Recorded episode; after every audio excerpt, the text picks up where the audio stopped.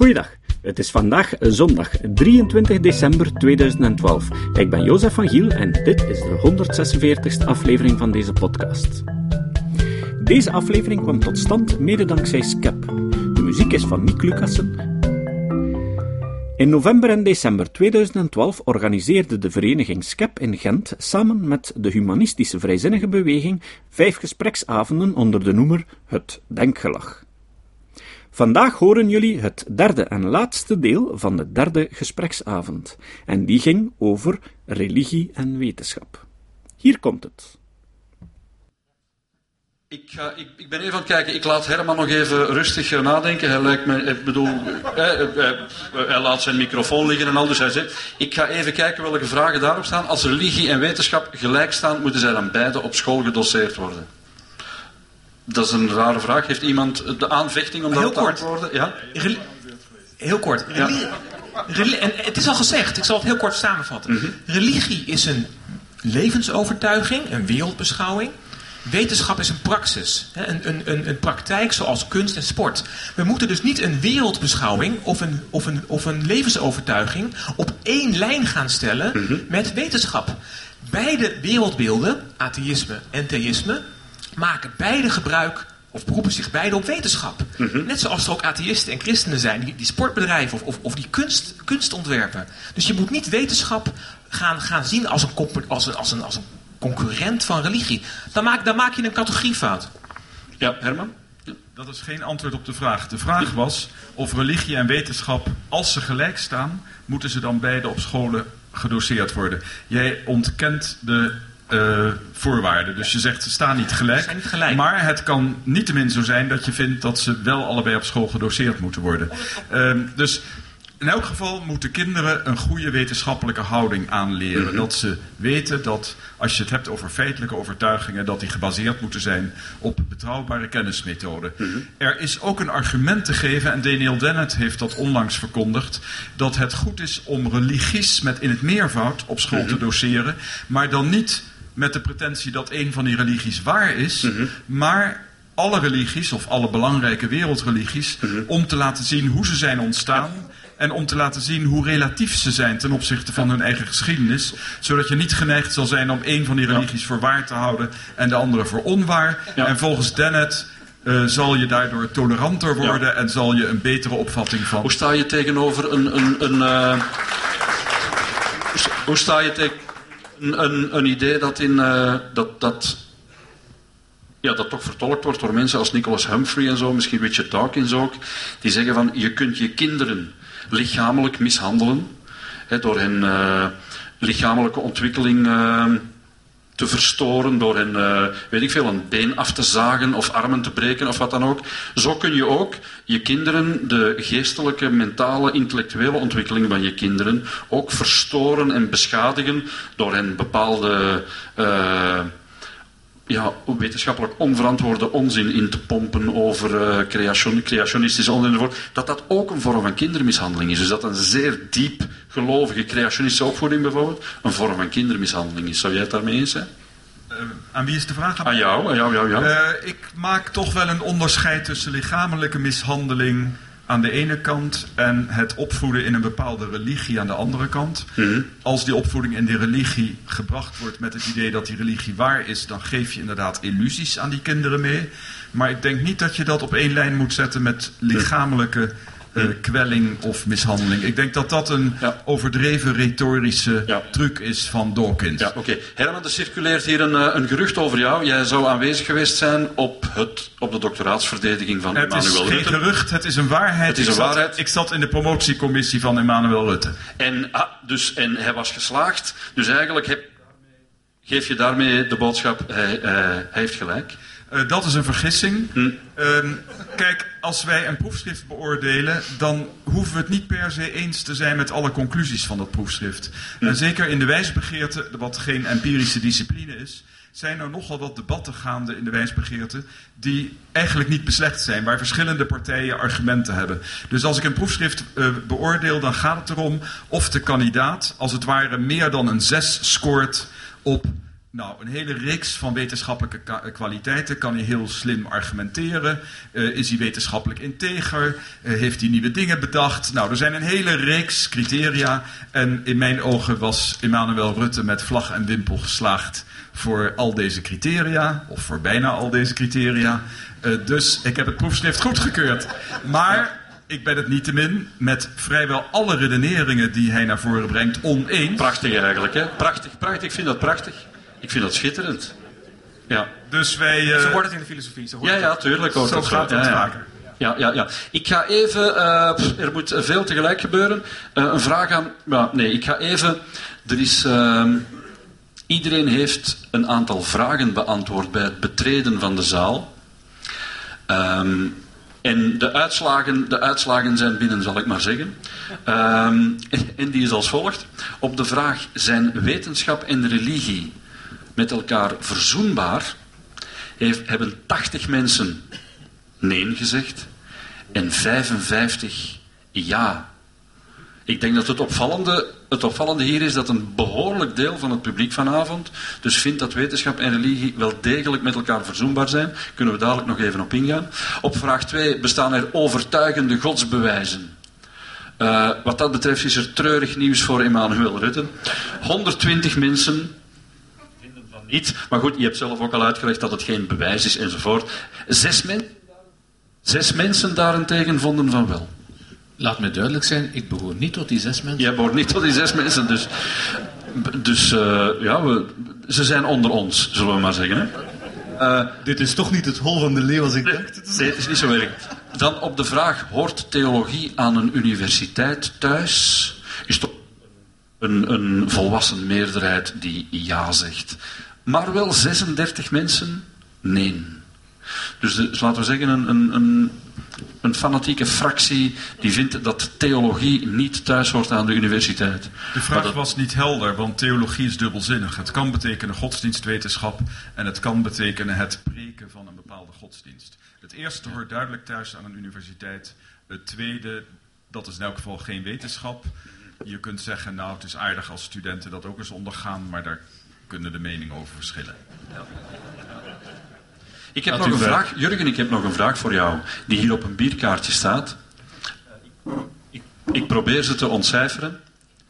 Wat steeg er precies ten hemel?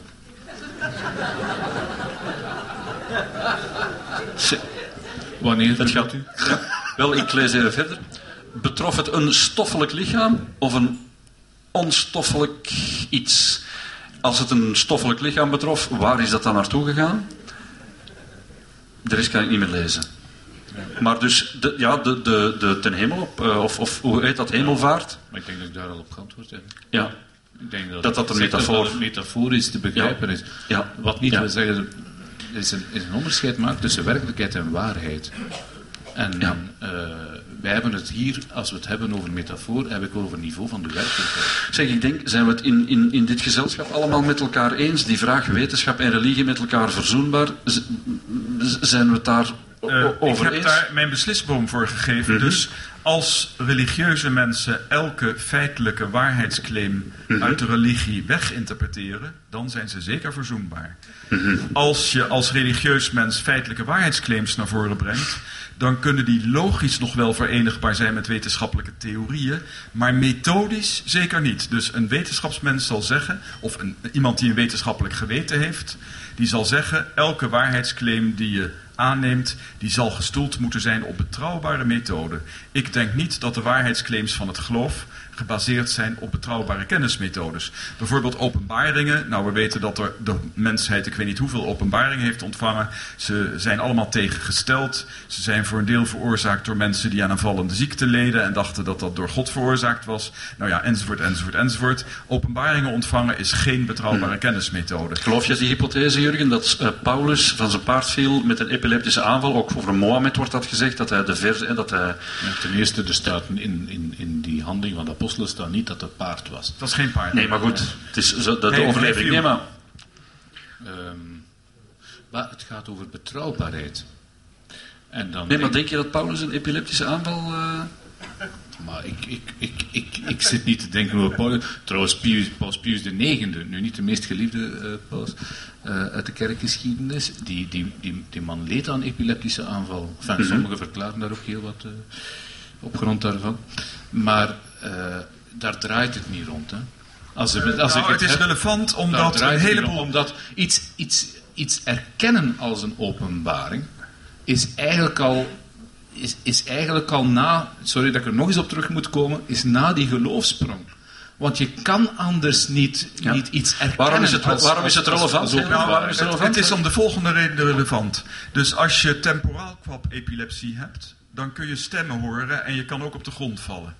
En Nietzsche die bracht al naar voren dat dat een ziekte was waar Paulus waarschijnlijk aan leed. In die tijd was er geen wetenschappelijke verklaring voor het horen van die stemmen. En ook niet voor het op de grond vallen. En het is heel begrijpelijk dat anno het jaar nul mensen dat horen van stemmen interpreteerden als een soort goddelijke of duivelse enzovoort interventie. Wij hebben nu betere verklaringen voor dit soort verschijnselen, namelijk psychiatrische verklaringen. En dus moet je Ik moet nu eerlijk Ja, dus- zeggen dat dit ja, nu het minste punt is van dat u deze avond hebt gemaakt. Misschien punt. wordt het wat laat, ik weet het niet. Ja, Eh, is het Waarom, waarom dit, vind dit je is dat het minste retoriek, punt? dit is geen argumentatie. Ja, nee, maar ik moet eerlijk zeggen, eh, ja, Ja. ik moet eerlijk zeggen dat, eh, ja, nee, ja, ik kan me niet concentreren. Nee, dat begrijp ik. Nee, maar pro- probeer even rustig concentratie te vinden. Wat vind je van die, eh, van die epilepsieverhalen? Als, als moest mijn geloof gegrond zijn op alleen maar een, iemand die epilepsieaanvallen krijgt, dan zou ik inderdaad zeggen van u hebt recht van spreken. Maar mijn geloof is daar niet, niet alleen op die persoon gegrond. Trouwens, over epilepsieaanvallen wordt in... Allee, ja, kom, de evangeliën zijn, zijn, zijn later geschreven, dat geef ik toe. Maar Mhm. zijn niet geschreven door mensen met epilepsieaanvallen. Er zijn genoeg mensen... kort, want wat we zitten nu ja. later bezig over de periode van evangeliën en Paulus, daar net iets voor. Het ging volgens mij over de verzoenbaarheid van wetenschap en religie. Ik antwoord toch op de vraag.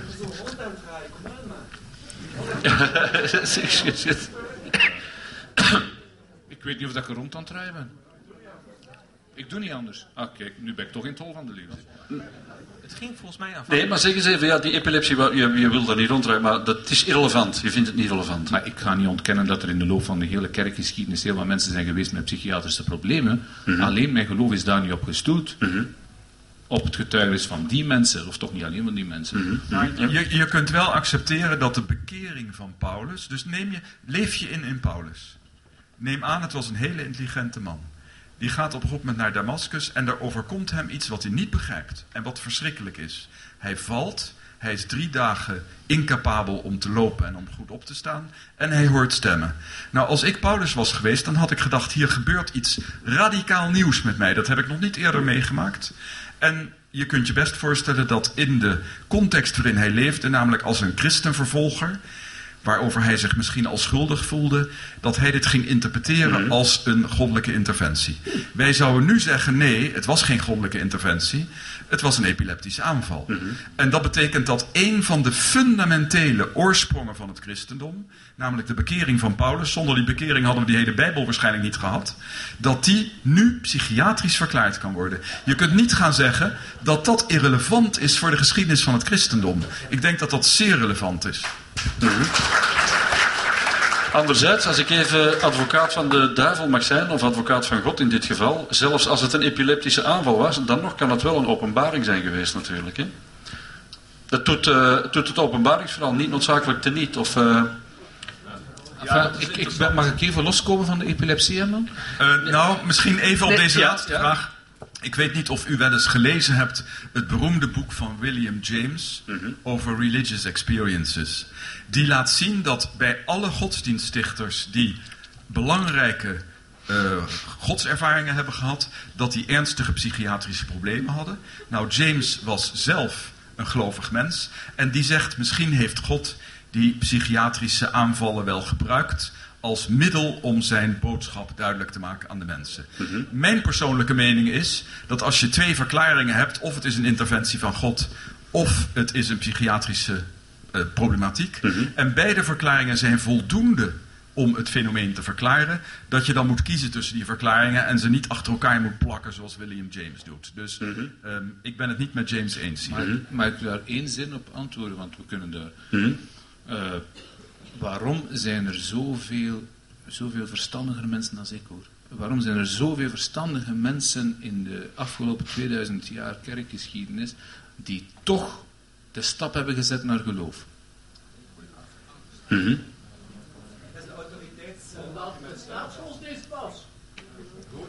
Maar in de afgelopen 2000 jaar hadden de meeste mensen irrationele overtuigingen. Dus je moet gaan kijken, je moet gaan kijken naar de periode waarin mensen wetenschappelijk opgeleid werden. En dat worden ze eigenlijk pas goed de laatste eeuw misschien. En zelfs dan nog vaak niet goed. Dus als je wat- kijkt, Maar antwoord eens op de vraag, ja. want ik mag dan rond de pot draaien, draaien dan ook het is mijn raadsel. Mhm. Ik ga even naar. eh, Want we naderen. Ja.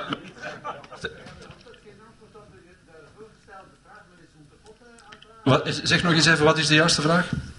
Wat gebeurd is met het verrezen lichaam van Jezus. Ah, het verrezen lichaam van Jezus, ja, ja. Ja. Wat is er gebeurd met het verrezen lichaam van eh, Jezus? Of, of is het een, een stoffelijk lichaam dat eh, ten hemel. eh, ja. Ik moet eerlijk zeggen, ik kan daar niet op antwoorden. Het antwoord werd al Maar gegeven. het is niet van rond de pot draaien. Ik kan daar niet op antwoorden. Het gaat over alles en nog wat. Ik zat altijd maar te wachten tot het antwoord op de vraag was van mij. Vandaar. Ah, wel, Dank u wel om zich te identificeren. Het antwoord was dat het een metafoor was. Dus de vraag is dan zinloos.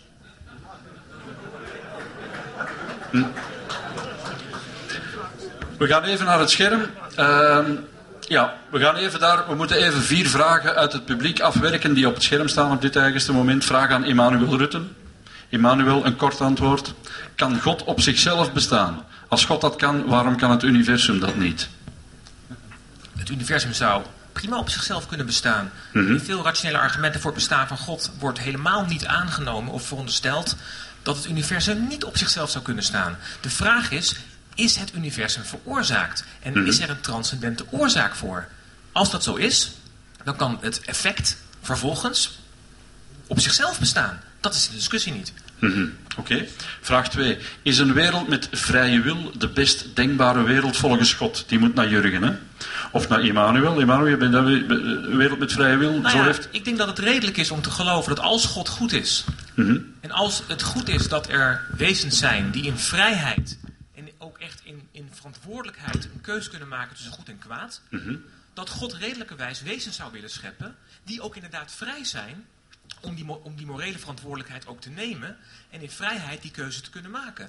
Dus Maar waarom heeft hij dan een. een, een wa- waarom heeft hij dan, hoe, hoe zal ik het zeggen, eh, het initiatief genomen voor een diersoort die toch een, een, elke dag een verpletterende hoeveelheid lijden en leed en kwaad en miserie over Ja. deze planeet uitstort? de vraag naar het lijden, hè, het is Ja. eerder aan geweest. Hè, de, Ja. de vraag naar hoe, ja, hoe kan het bestaan- Vrije wil, akkoord. Ja, maar het, hoe is, kan, hoe, kan hoe kan het bestaan van God worden verenigd met het bestaan van zoveel lijden in de wereld? Nu, in de geschiedenis van de, van, de, van de theologie en de wijsbegeerte zijn op die vraag een heel groot aantal antwoorden gegeven. Dat noemen we theodicees. Mhm. Een rechtvaardiging van het bestaan van God. En zit daar een antwoord tussen waarvan je denkt, hé, hey, dat is een goed, eh, dat is een degelijk antwoord. Stel je nu eens voor Mhm. dat God wist dat hij geen vrijheid kon scheppen zonder dat dat gepaard zou gaan met lijden.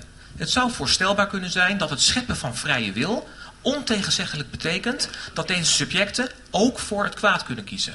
Als dat waar is, dan zou je je kunnen voorstellen dat God aanvankelijk voor de keus stond: zal ik scheppen? Zal ik de wereld tot aanzijn laten komen? Zal ik licht laten schijnen in de duisternis? zal, ik het, zal ik het niets, het kwaad, de leegte overwinnen? Of zal ik niet scheppen?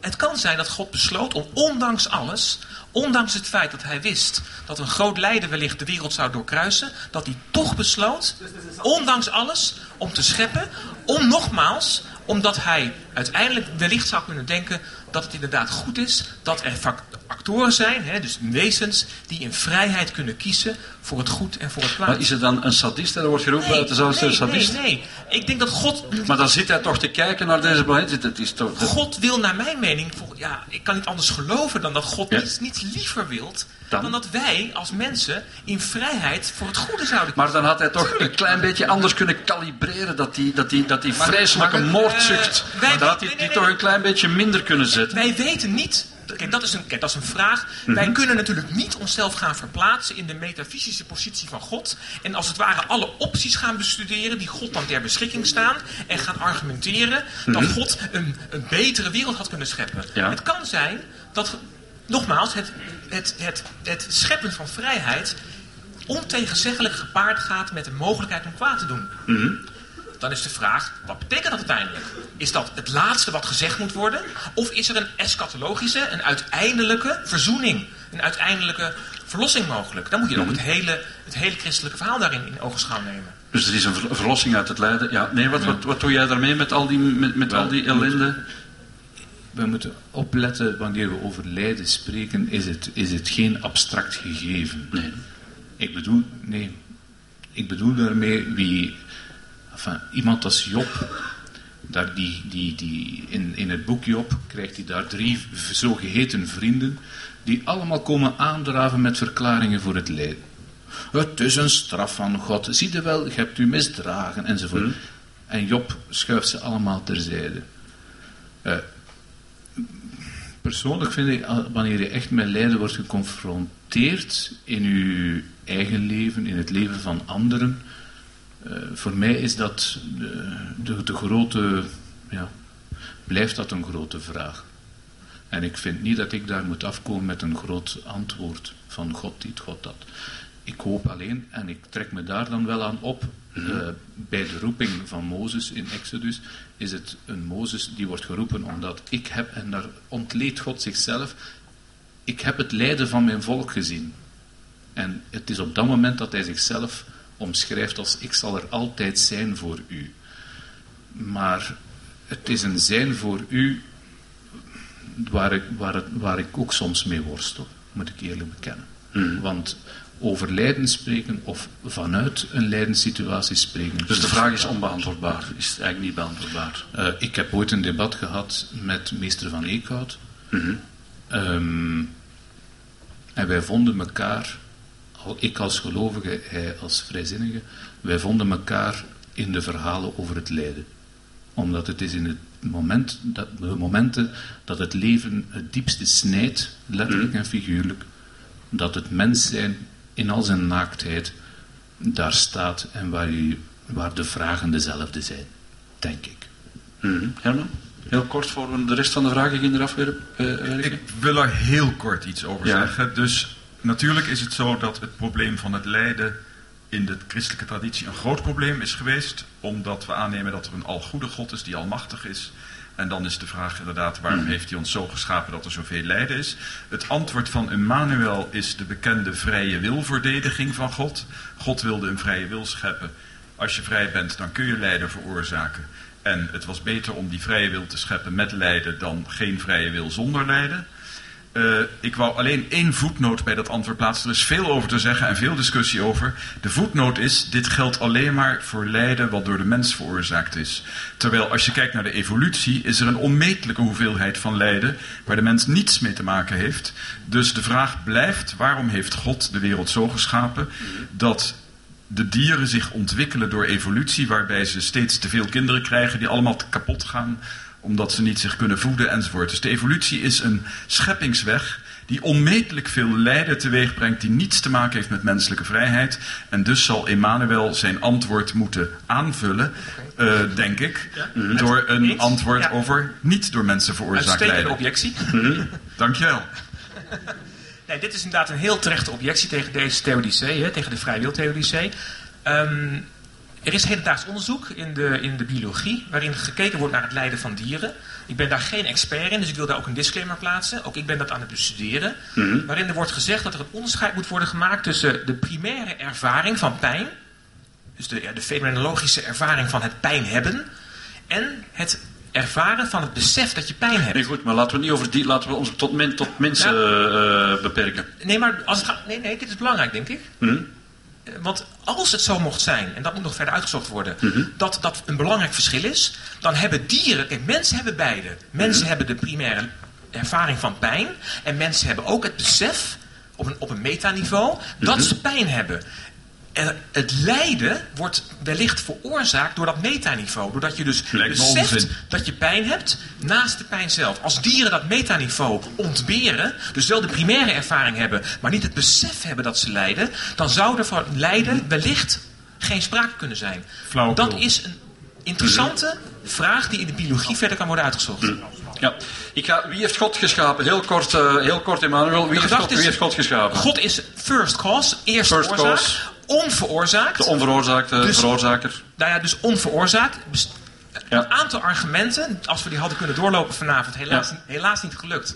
Maar een aantal argumenten komen tot de conclusie, vanuit de contingentie van de schepping, dat God metafysisch noodzakelijk bestaat. En een object wat noodzakelijk bestaat, bestaat op grond van zijn eigen natuur. Heeft dus geen externe oorzaak. Dus de reden voor het bestaan van God is geen externe oorzaak, maar is het feit dat God op grond van zijn eigen natuur noodzakelijk bestaat. Ja, ik geef even mee, ik geef even mee dat eh, van, van Jurgen Mettepenningen en eh Erma Philipsen kunnen de, boeken, kunnen de boeken natuurlijk worden gekocht. Ik zou even op willen inpikken, want straks was het de vraag, als God op zichzelf kan bestaan, kan, kan God op zichzelf bestaan? Dan is uw antwoord ja.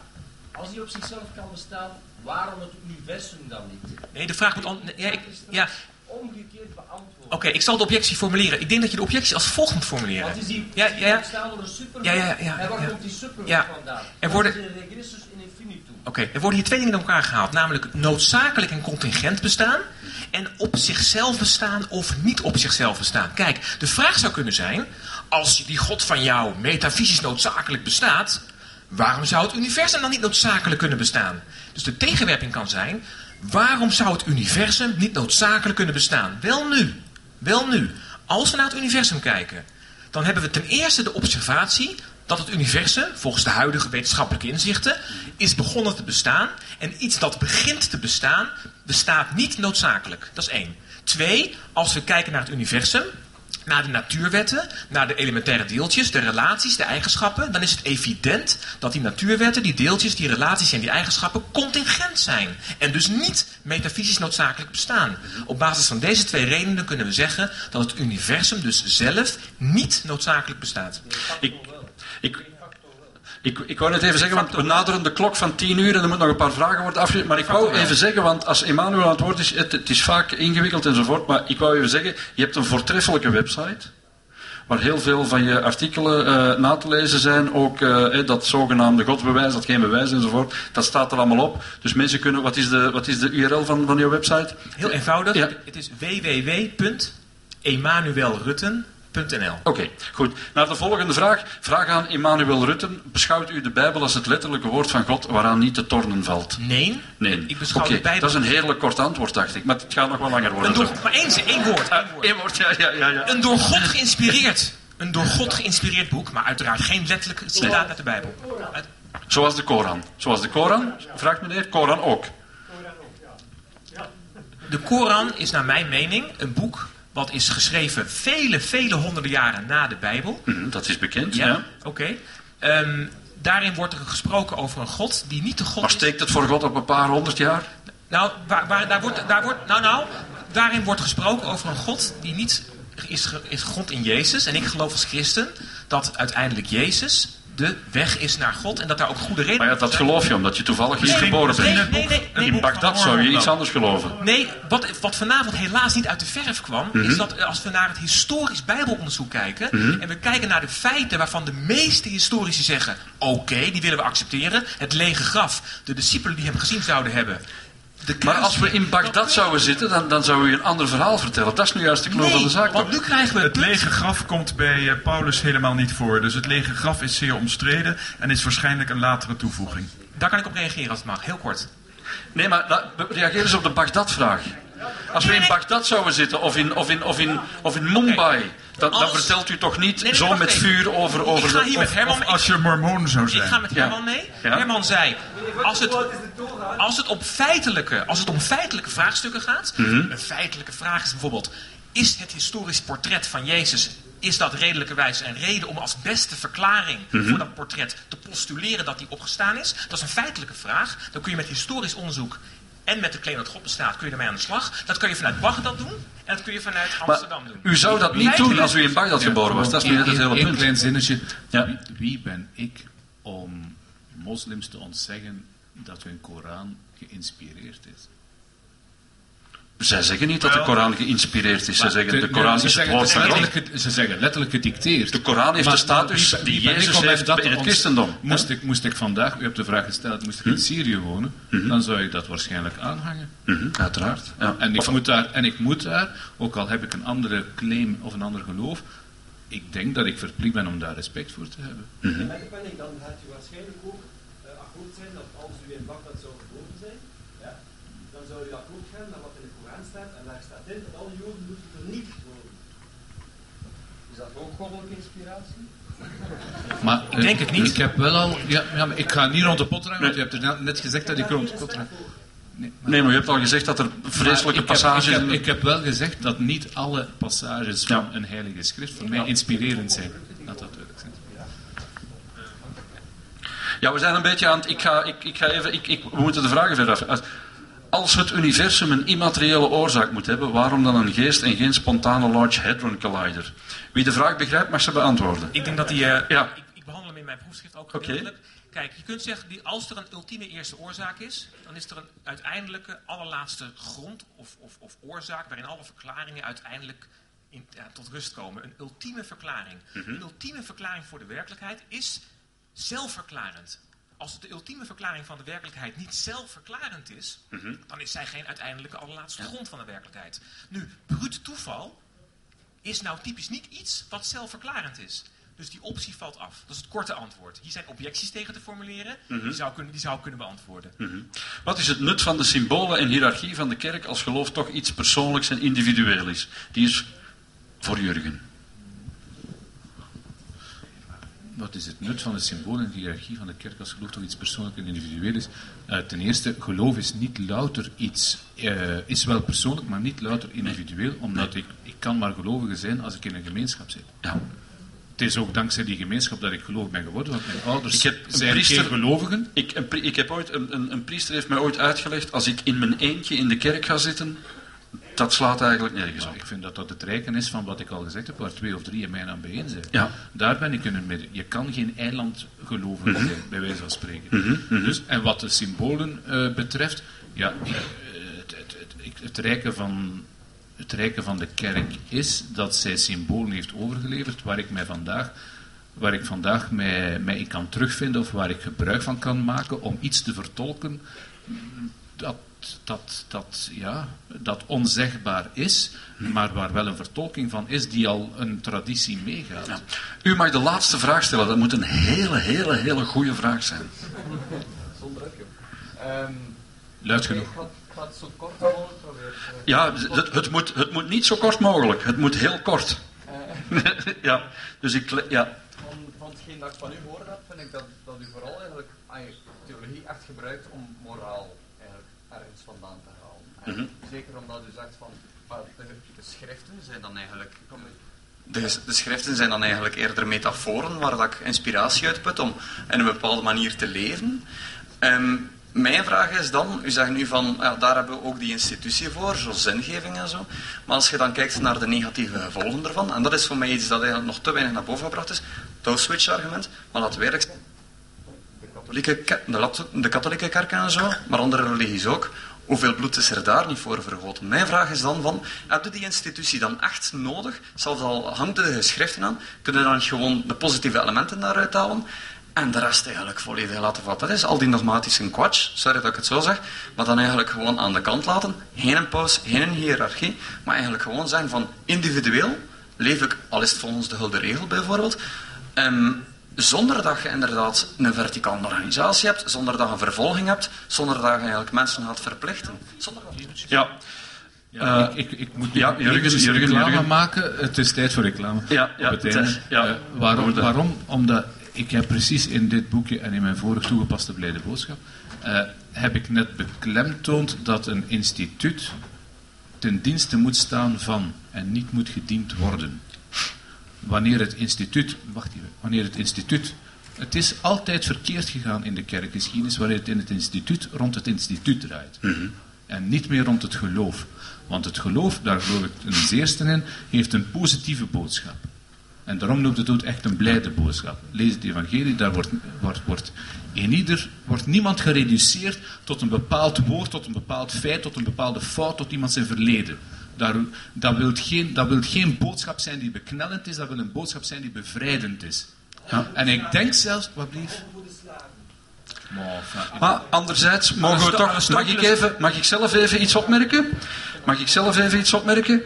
De verdediging van de nonnen in eh, Wallonië, die Michel Martin wilde opvangen, dat is toch alleen vanuit kerkelijke hoek gekomen in, eh, in België. Dat durft namelijk niemand anders. Ja, dat hele... Heb je dat gevolgd? Ik heb, ja, ik heb dat gevolgd. Ja. Ik, ik heb het daar heel moeilijk mee gehad. Ik heb daar persoonlijk heel erg mee geworsteld. Ja? Kijk, het is natuurlijk niet zo dat iemand die een, die een levensovertuiging heeft, zoals Mhm. een christen, dat zo iemand, louter vanwege het feit dat hij een levensovertuiging heeft, op alle vragen antwoord zou moeten geven. Want dat kan de atheïst ook niet. Nee. Er zijn, er zijn- en dat gaf Jurgen al aan. Er zullen altijd zaken zijn waar wij als gelovigen natuurlijk ook onze vragen en onze twijfel hebben. En dat doorkruist ook het geloof. Nu, dit is nou een thema waarbij ik mij persoonlijk afvraag, kan je dit doen? En dan worst, daar worstel ik mee. Ik weet dat antwoord daar dus niet op. Ik weet het gewoon niet. Meneer ik ga de slotvraag aan u richten. Eh, dat de kerk eh, zo'n blijde boodschap heeft, ook tot positieve dingen. Kun je het zeggen, je merkt dat toch ik ontken wel de zwarte bladzijden. Ja, maar ja, dus nee, de zwarte bladzijde wordt niet ontkend. Maar, maar misschien eh, als, als, als slotopmerking opmerking of vraag. Dat, is, eh, dat de kerk heel vaak, als het bijvoorbeeld gaat over eh, daklozen, mensen die illegaal in het land vertoeven en zo verder, daar werkelijk op een, op een, op een eh, diep bewonderenswaardige wijze het voortouw neemt. Daar zit u ook al toch mee te knikken. Dat, dat moet u ook Ehm, erkennen. Ja, dus ik wil heel scherp onderscheiden twee totaal verschillende vraagstellingen. De ene is, stel dat religies waarheidsaanspraken doen, moeten we die dan geloven? In het algemeen zeg ik nee, als ze over bovennatuurlijke dingen gaan. Een hele andere vraag is of religies niet allerlei nuttige functies hebben, en misschien ook slechte, en welke dan goed zijn en welke slecht, en welke religies het beter doen dan andere religies, en of wij niet ook in een maatschappij willen leven waar een heleboel verschillende religies een rol spelen, als ze maar niet verabsoluteerd worden. En dan ben ik natuurlijk iemand die vrijheid van godsdienst sterk voorstaat. Ik geloof dat het goed is in een pluriforme maatschappij te leven. Het probleem van monotheïstische religies is dat ze zich relatief makkelijk ontwikkelen tot totalitaire systemen. Want ze beweren dat er één openbaring is en één godheid die de waarheid in pacht heeft. Dat is een gevaarlijke doctrine. Dus ik denk dat het daarom goed is dat we in samenlevingen leven waar veel religies met elkaar moeten concurreren. En geen van die religies erg veel macht moeten hebben. Dus je moet de macht van die religies zeer beperken. Maar ik geloof wel in de vruchtbaarheid van een pluriforme maatschappij. Ook al bestaat die maatschappij voor een deel uit mensen die illusies hebben. Want de troost is, wij hebben allemaal tot op zekere hoogte illusies. Zoals psychologen zorgvuldig hebben onderzocht. En daar gaan we het volgende week over hebben. Ik dank u zeer voor deze boeiende avond. En vergeet niet om voor de European Podcast Awards te stemmen, hè? Ik heb gezien dat Feiko Houweling weer begonnen is met hoorgeschiedenis. En bovendien zijn luisteraars ook vraagt om voor hem te stemmen. Dus zullen jullie een extra inspanning moeten doen. Een link vinden jullie op mijn website. Het citaat. Het citaat van vandaag komt van Stephen Jay Gould. Stephen Jay Gould was een van de grootste evolutiebiologen uit de 20e eeuw. Hij wordt gretig foutief geciteerd door creationisten omdat hij de theorie van het pointed equilibrium bedacht. Dat is een theorie die voorspelt dat sommige soorten gedurende heel lange tijd niet evolueren en dan plots veranderen. Met dat plots bedoelde hij heel snel naar evolutionaire maatstaven. Dus enkele miljoenen jaren. Maar creationisten vertellen er dat laatste niet bij en citeren hem alsof hij zou gezegd hebben dat soorten plots tevoorschijn komen zonder dat er tijd is voor evolutie. Over dat idee had hij trouwens vrij belangrijke academische discussies met Richard Dawkins, die Gold in deze redenering niet volgde, maar die anderzijds trouwens zelf een grote bewonderaar was van Gold. Dat wordt door creationisten ook dikwijls aangehaald om te argumenteren dat evolutiebiologen het ook niet weten, omdat ze het niet met elkaar eens geraken. Maar de discussie tussen Gold en Dawkins was op een academisch niveau en beide mannen waren het wel degelijk met elkaar eens over de grote principes van de evolutie. Tot op het niveau dat een intelligente creationist het gesprek had kunnen volgen, was er helemaal geen discussie tussen beide mannen. Maar de discussie die beiden hadden is eigenlijk net heel typisch voor de wetenschap. Het is net door dat soort oneenigheden op het grensgebied van deze kennis dat de wetenschap vooruit gaat. Gold zei: In wetenschap kan feit enkel betekenen bevestigd in de mate dat het pervers zou zijn om het voorlopig niet aan te hangen. Ik kan wel veronderstellen dat appelen morgen beginnen te zweven, maar die mogelijkheid verdient geen gelijke tijd in de fysicalessen. Tot de volgende keer. Dit was de podcast Kritisch Denken. Vergeet niet om alles kritisch te behandelen, ook deze podcast. Voor verdere informatie over deze podcast, links en voor de tekst, surf naar www.kritischdenken.info. Als je deze podcast belangrijk vindt, kun je me steunen door anderen warm te maken ook eens te luisteren. Stuur een e-mail naar vrienden met een link naar de website en plaats de link in de handtekening van je e-mails. Tevens kun je op iTunes deze podcast een beoordeling geven of een recensie schrijven. Of je kan op je eigen website of blog een link naar kritisch denken plaatsen.